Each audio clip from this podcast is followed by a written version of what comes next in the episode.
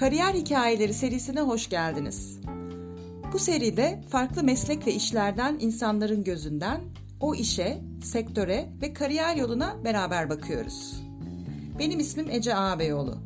Örgüt psikolojisi uzmanı ve kariyer koçuyum. Keyifli dinlemeler.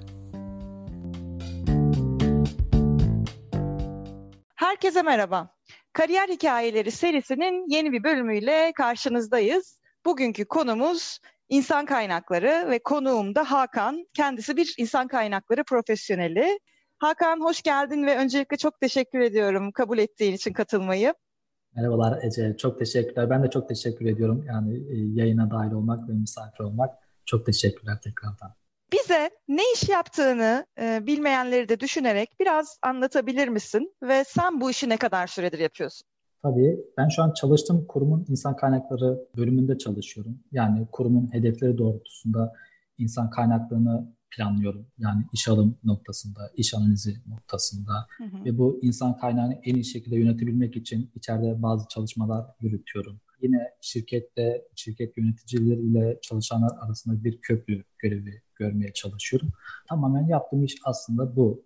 Yaklaşık 8 e, yıldır da İK alanında çalışmaya çalışıyorum. Evet, 8 yıl epey bir tecrübe bence. Bu insan kaynakları deyince benim çevremde gördüğüm kadarıyla yani çok konuyu içinden bilmeyenler için e, kimileri sadece işe alım yapan kişiler gibi algılıyor. Kimileri bordro özlük işleriyle ilgilenenler gibi algılıyor. Hani senin bu konuda yorumun ne olur ya da senin tecrüben neleri kapsadı bugüne kadar diyelim? Yani ben insan kaynakları ile ilgili birçok alanda dahil oldum açıkçası. Bu sadece iş alım noktasından ziyade iş analizleri gerçekleştirmek, eğitim çalışmaları gerçekleştirmek, eğitim planlaması, eğitim ihtiyaç analizleri, yine yetenek yönetimi, performans değerlendirme, disiplini, ödül ve ödüllendirme süreçleri, çalışan ilişkilerin yönetimi gibi süreçlerde dahil oldum. E, sadece iş alım, sadece özlükten ziyade bu tür alanlar da mevcut. Ben birçok alanda dahil olmaya çalıştım açıkçası. Güzel olmuş. Tecrübe çeşitliliği bence de önemli. E, dinleyenler için söyleyeyim. Benim de kurumsal bir ortamda dört yıl süren insan kaynakları departmanı tecrübem var. Ama ben işin e, ağırlıklı olarak yetenek yönetimi ve eğitim tarafında e, yer aldım. Dolayısıyla çok daha geniş bir konu olduğunu e, buradan söyleyebiliriz. Peki bu işte Covid ile birlikte neler değişti sizin tecrübenizde ve nasıl yürütüyorsunuz bu dönemi? Ya aslında ben biraz kendimi dijital İK'cı olarak tanımlıyorum. Dijital Hı. noktasında kendimi epey bir yetkin ve yatkın görüyorum. Bu, bu doğrultuda hem şirketimde hem de kendi süreçlerimin birçok süreci dijital ortamda yürütmeye çalışıyorum. Bu yönde biz birçok çalışmamız vardı dijitalleşme noktasında. Hı hı. Bu pandemi sürecinde de çok büyük bir sıkıntı yaşamadık. Gayet hazırlıklı, altyapımız e, hazırlıklıydı e, ve birçok süreci de dijital ortamda yürütmeye çalıştık. Kopmadık süreçlerden. Uzaktan çalışma noktasında gayet alıştığımız bir konu oldu. E, ve tabii ki eksiklik noktasında da birçok eksiğimiz söz konusu oldu. Uzaktan ekip yönetimi, iş yönetimi gibi süreçlerde bazı eksikliklerimiz oldu. E, bu noktada yeni bir projeye dahil olmaya çalıştık e, ve yeni bir dijitalleşme akımı başlattık. Bu projenin de başında yer alıp e, süreci baştan deneyimleme fırsatım olacak. Yeni bir dijitalleşme sürecini başlatıyoruz açıkçası. Korona ile birlikte bizde çok büyük bir değişiklik yaşanmadı. Gayet biz uzaktan yönetime, dijital yönetim noktasında gayet hazırlıklıydık açıkçası. İyi olmuş. Takip ettiğim kadarıyla sen zaten e, interneti de sosyal medyayı da aktif kullanıyorsun uzun zamandır. Evet. E, dolayısıyla yatkın olduğunu tahmin ediyorum. Eminim bu yatkınlığın kuruma da yansımıştır.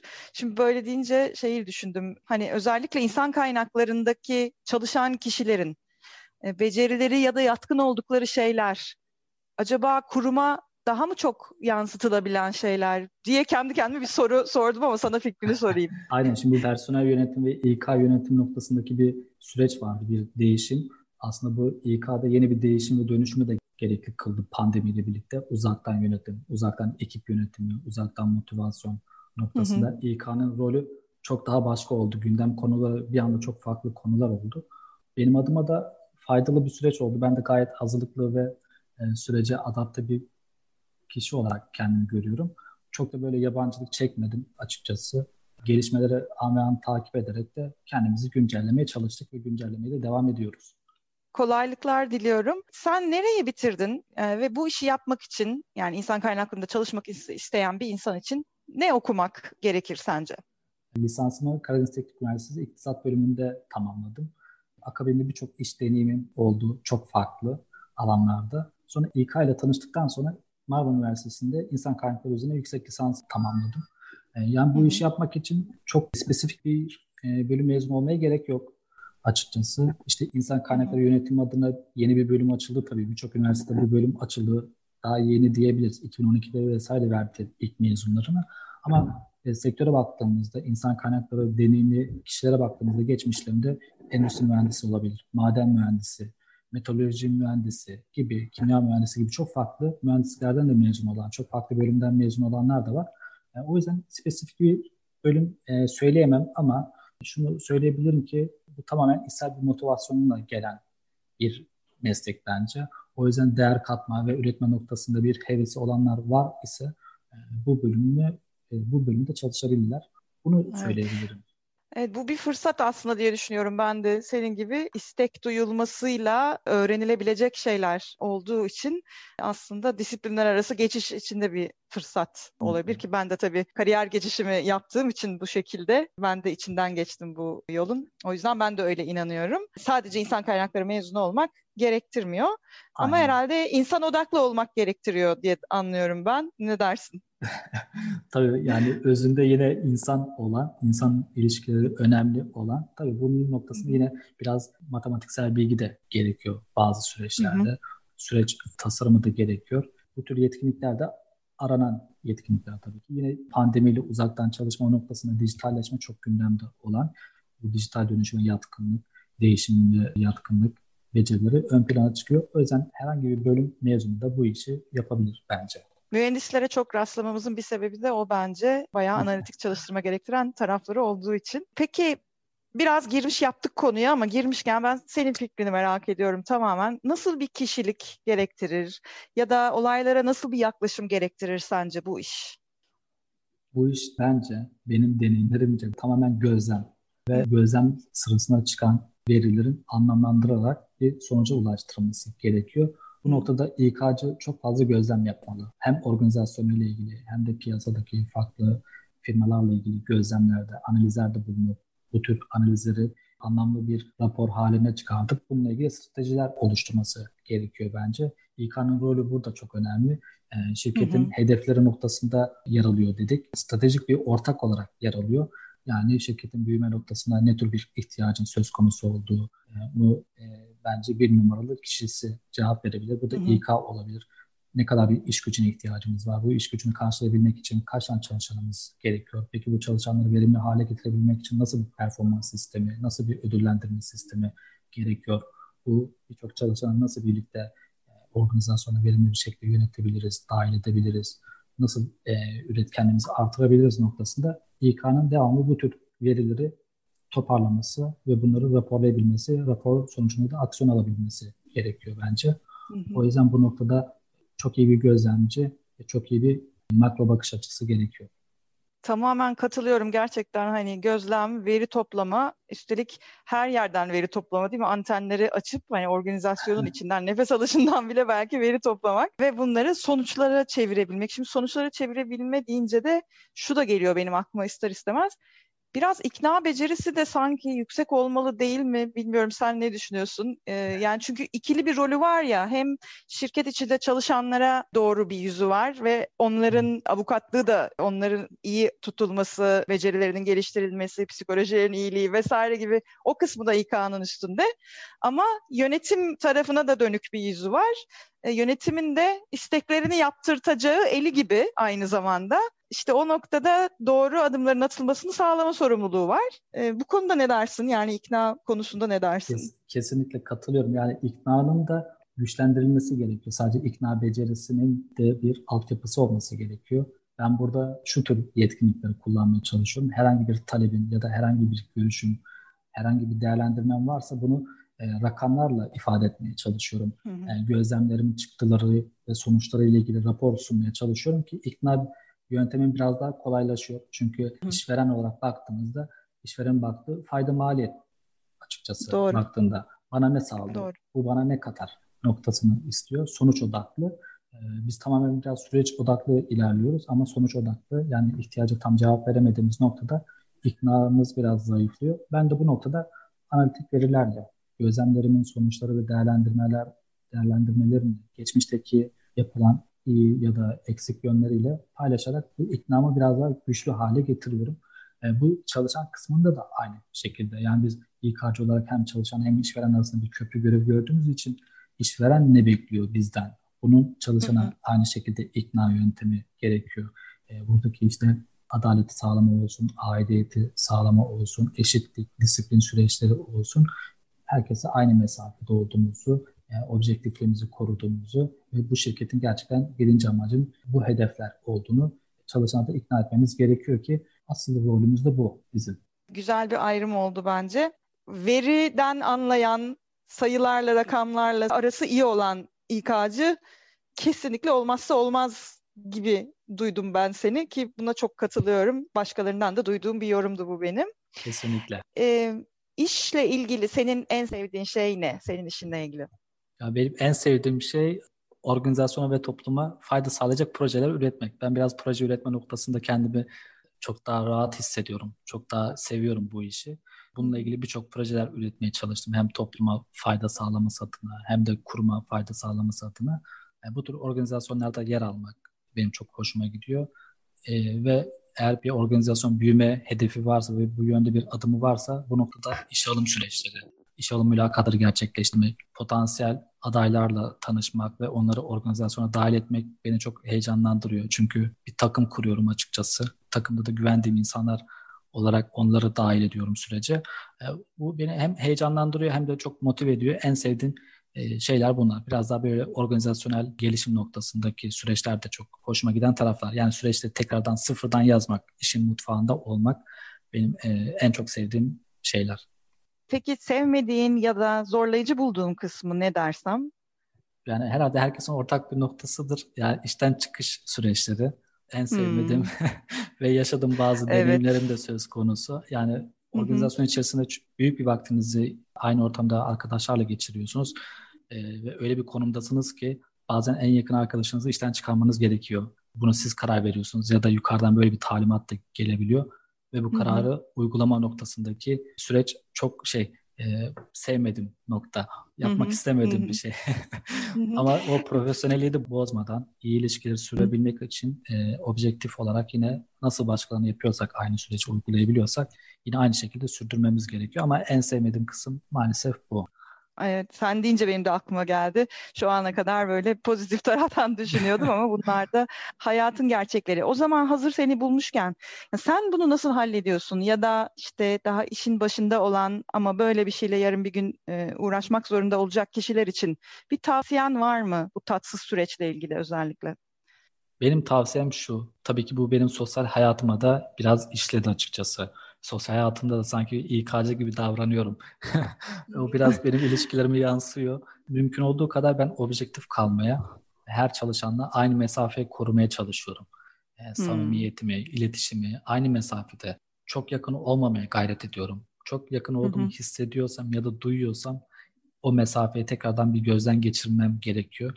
Çünkü dediğim gibi bir gün o arkadaşımla başka şekilde bir geri bildirim verebilmek durumunda kalabilirim. Ya da işten çıkarmak durumunda kalabilirim. Ya da e, onun çalışanı ile ilgili arasında bir sıkıntı varsa e, o çalışan benimle açılabilmesi gerekiyor. Çünkü aramızdaki samimiyeti göz ardı ederek, objektif olduğumu hı hı.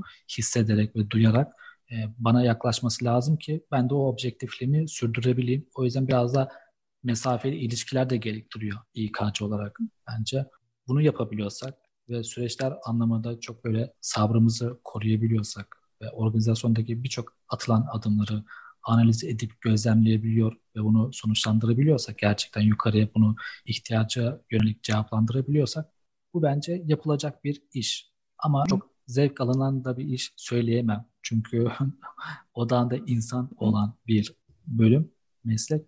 O yüzden devamlı insan ilişkileri, devamlı insanların problemleri. Çünkü kurum olarak baktığınızda birçok farklı kesimden, ülkenin birçok noktasından gelen, farklı kültürde, farklı yaşta, farklı eğitim geçmişler olan insanları tek bir çatıda, tek bir misyon ve vizyonda ortak bir hedefe yönlendirmeye çalışıyorsunuz. Bu noktada birçok problemler de çıkabiliyor. Sıkıntılar, süreçler zorlayabiliyor insanları. O yüzden de bu insani direnç noktası da kuvvetli olması gerekiyor.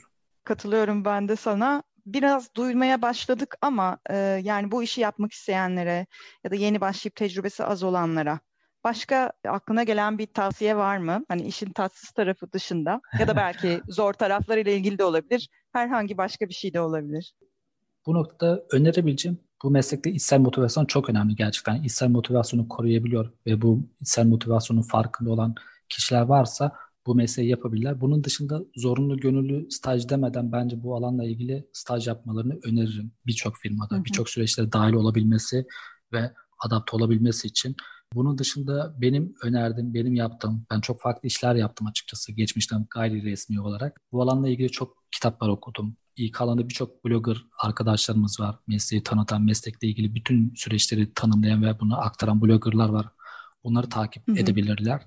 Yine uygulama noktasında birçok eğitim kurumu var ve birçok eğitim bölümleri var. Bunları takip edebilirler ya da buradan eğitim alabilirler ya da yüksek lisansla bunu biraz daha taçlandırabilirler. Önerebileceklerim bunlar olur açıkçası duydunuz. İlgilenenler varsa dinleyenler arasında gayet güzel bir öneri sepeti geldi. Bir sonraki sorumun da ipuçlarını sen yine verdin. Ben hemen sorayım. Bugün bulunduğun yere nerelerden geçerek geldin diyecektim. Hani farklı iş tecrübelerin evet. oldu mu? Ben memur bir sosyal çevreden geliyorum açıkçası. O yüzden çevremdeki beklenti de benim memur olunmam noktasındaydı. Fakat olmadı. Birçok kamu kuruluşuyla ilgili süreçlere dahil oldum fakat başarısız oldum. Sonra özel sektöre atıldım. Özel sektörde ne yapacağımı bilemeden atıldım açıkçası. Ve bu noktada birçok iş deneyimim oldu farklı. Denetim, sigorta, brokerlık, gayrimenkul gibi işlerde çalıştım. En son bir banka, kamu kurumu bana büyük bir yanlış yaptı açıkçası İK süreç, iş alım sürecinde. Şubem atanmasına rağmen, süreçlerin belli olmasına rağmen en son İK sisteminin değiştiğini, havuzunun boşaltıldığını ve benim tekrardan sınava girmemi söylediler. Ve bana yapılan çok büyük bir haksızlıktı bu. Ben de buna inat aslında İK'yı seçtim. Bu mesleği en iyi ben yaparım ve bana yapılanı başkasına yapmam şeklinde bir mottoyla biraz da böyle tepkiyle doğdu benim bu mesleği seçmem. Ondan sonra ben çok fazla çok fazla okumaya ve bunu nasıl telafi edebilirim? Bunca zaman geçti. Ee, nasıl telafi edebilirim diye olabildiğince çok okumaya, e, birçok kişilerle irtibatı geçerek mesleki hakkında bilgi almaya, birçok kursa katılarak da biraz daha mesleği deneyimlemeye çalışarak bu işi öğrenmeye çalıştım. Ve hala da çalışıyorum. Hala da araştırmalarım ve öğrenme sürecim devam ediyor. Bu şekilde başladı benim sürecim. Tamamen bir tepkiyle doğdu ve şu an sevdiğim işi olduğunu farkına vardım. E, gerçekten Hı-hı. çünkü bir baktığımda aslında yapmak istediğim, istediğim bu memurluk kesimi aslında öğretmen mesleğini biraz daha yaşayabildiğim bir alan. O yüzden de hoşuma da gidiyor. Doğru, evet. Ee, ya güzel bir örnek oldu. Teşekkür ederim. Çünkü motivasyon işte her zaman e, hayalimizin peşinden gitmekle, destek bulmakla, istediğimiz şeyleri yaparak gelişmeyebiliyor. Bazen ters yönden çıkıyor evet. senin anlattığın gibi. O da herhalde senin değerine dokunmuş. Aslında seni kamçılayan orada senin değer yargılarınla ilgili bir şey evet, olmuş. Evet. Ya ben Anladım. Biraz, seni dinlerken ben de isyan ettim. Nasıl ya falan diye dinledim yani. Evet. Yani aslında birçok örneği vardı ama son örnek benim için çok daha etkiliydi. Çünkü tüm sosyal çevreme duyurmuştum. E, ben bu bölgede şu pozisyonda e, şu bankayla çalışıyorum, ev aramaya başladım vesaire gibi sosyal çevremi bilgilendirmişken böyle bir e, hata kabul edilemez bir hataydı ve sosyal çevreme de bir şey oldu başarısız yine olmadı gibi bir şeyim oldu. Ben de aldığım gibi valizi İstanbul'a geldim. her şey her şeyi bıraktım ve sıfırdan İK bu İK nedir? Ne değildir? Ne iş yapar şeklinde başladı tamamen gerçekten. Evet. Böyle İK başladım. öyle yapılmaz, böyle yapılır. Ben de size öğrenip doğrusunu göstereceğim demiş Hakan galiba. Kesinlikle. Çok da iyi etmişsin bence. E, hoşuma gitti şahsen benim. Peki e, bu işin geleceğini sen nasıl görüyorsun? Evet, ya bu İK dönüşüm hep konuşuluyordu dijitalleşme anlamında. Pandemi bu süreci biraz daha hızlandırdı ve İK'nın önemi biraz daha öne çıktı.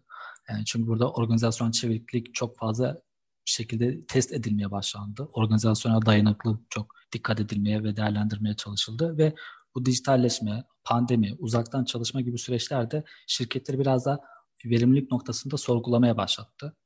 Ve bu noktada birçok şirket de, departman da farkına vardı ki biz uzaktan da çalışabiliyoruz. Ya da biz şu kadar kişiyle de çalışabiliyoruz, bu işleri yönetebiliyoruz şeklinde bir farkındalık mı oldu diyelim ya da sirkelenme mi oldu bilemiyorum. Hı hı. E, o noktada İK biraz da e, sirkelendi ve biraz daha süreçleri tekrardan gözden geçirmeye başladı. İş analizleri, iş değerlemelerini tekrardan bir gözden geçirmeye çalıştı. İşten çıkış ya da çıkarımı olduğunda o pozisyonu birini almaktan ziyade önce tekrardan bir iş analizi yapma geri doğdu. Yani bu işi gerçekten iş almalı mıyız?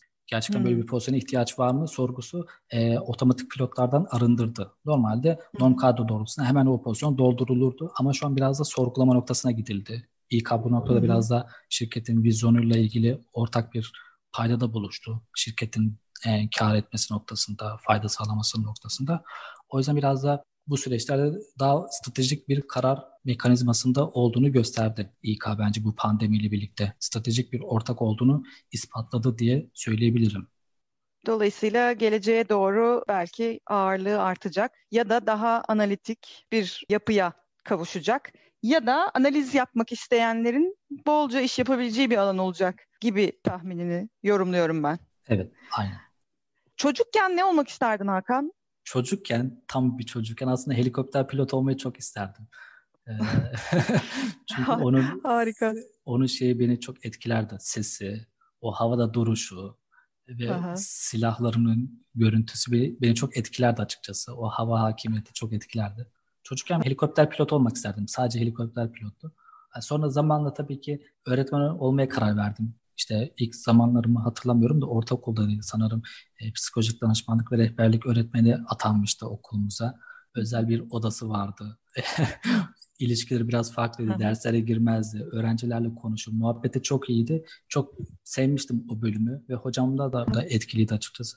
O yüzden psikolojik danışmanlık ve rehberlik öğretmeni olmaya karar vermiştim. Bu yönde çalışmalarım oldu. İstedim o bölümü ama olmadı. İktisat okudum. Peki böyle değişiklikler olabiliyor. Hani çocukken e, bize cazip gelen şey sonra ya cazip gelmiyor ya hayat bizi ya da başka bir yere e, savuruyor. Şimdiki yaptığın işe bakarak çocukken bu düşündüklerini ister helikopter pilotlu olsun ister psikolojik danışmanlık olsun bir ortak nokta bul desem ne gelir aklına?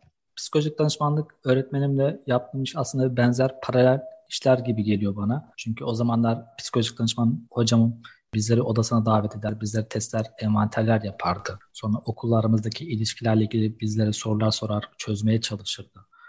Benim de rolüm buna benziyor açıkçası. Çalışanla işveren arasındaki ilişkileri yönetmeye çalışıyorum. Onları dinlemeye, onları envanterler yapmaya, onları en iyi şekilde değerlendirmeye çalışıyorum. Yönetmeye çalışıyorum. O yüzden çok benzer işler olduğu için çok da öyle üzülmedim açıkçası. Dolayısıyla aslında genç yaşlardan hayal ettiğin bir şeyi zamanı ileri aldığımızda yapıyorken buldun kendini diyebiliriz galiba. Aynen. Sadece kurumlar değişti ama yaptığım ve taşınan anlam benzer anlamlar taşıyoruz iki meslekte de. O yüzden çok da mutluyum ve iyi ki de bu bölümü seçmişim. Bu bölümde çalışıyorum diyorum. Ne güzel. İyi ki bir takım insanlar da seninle birlikte çalışıyor. Nice başarılar, nice keyifli çalışmalar olsun diyelim. Çok teşekkür ederim.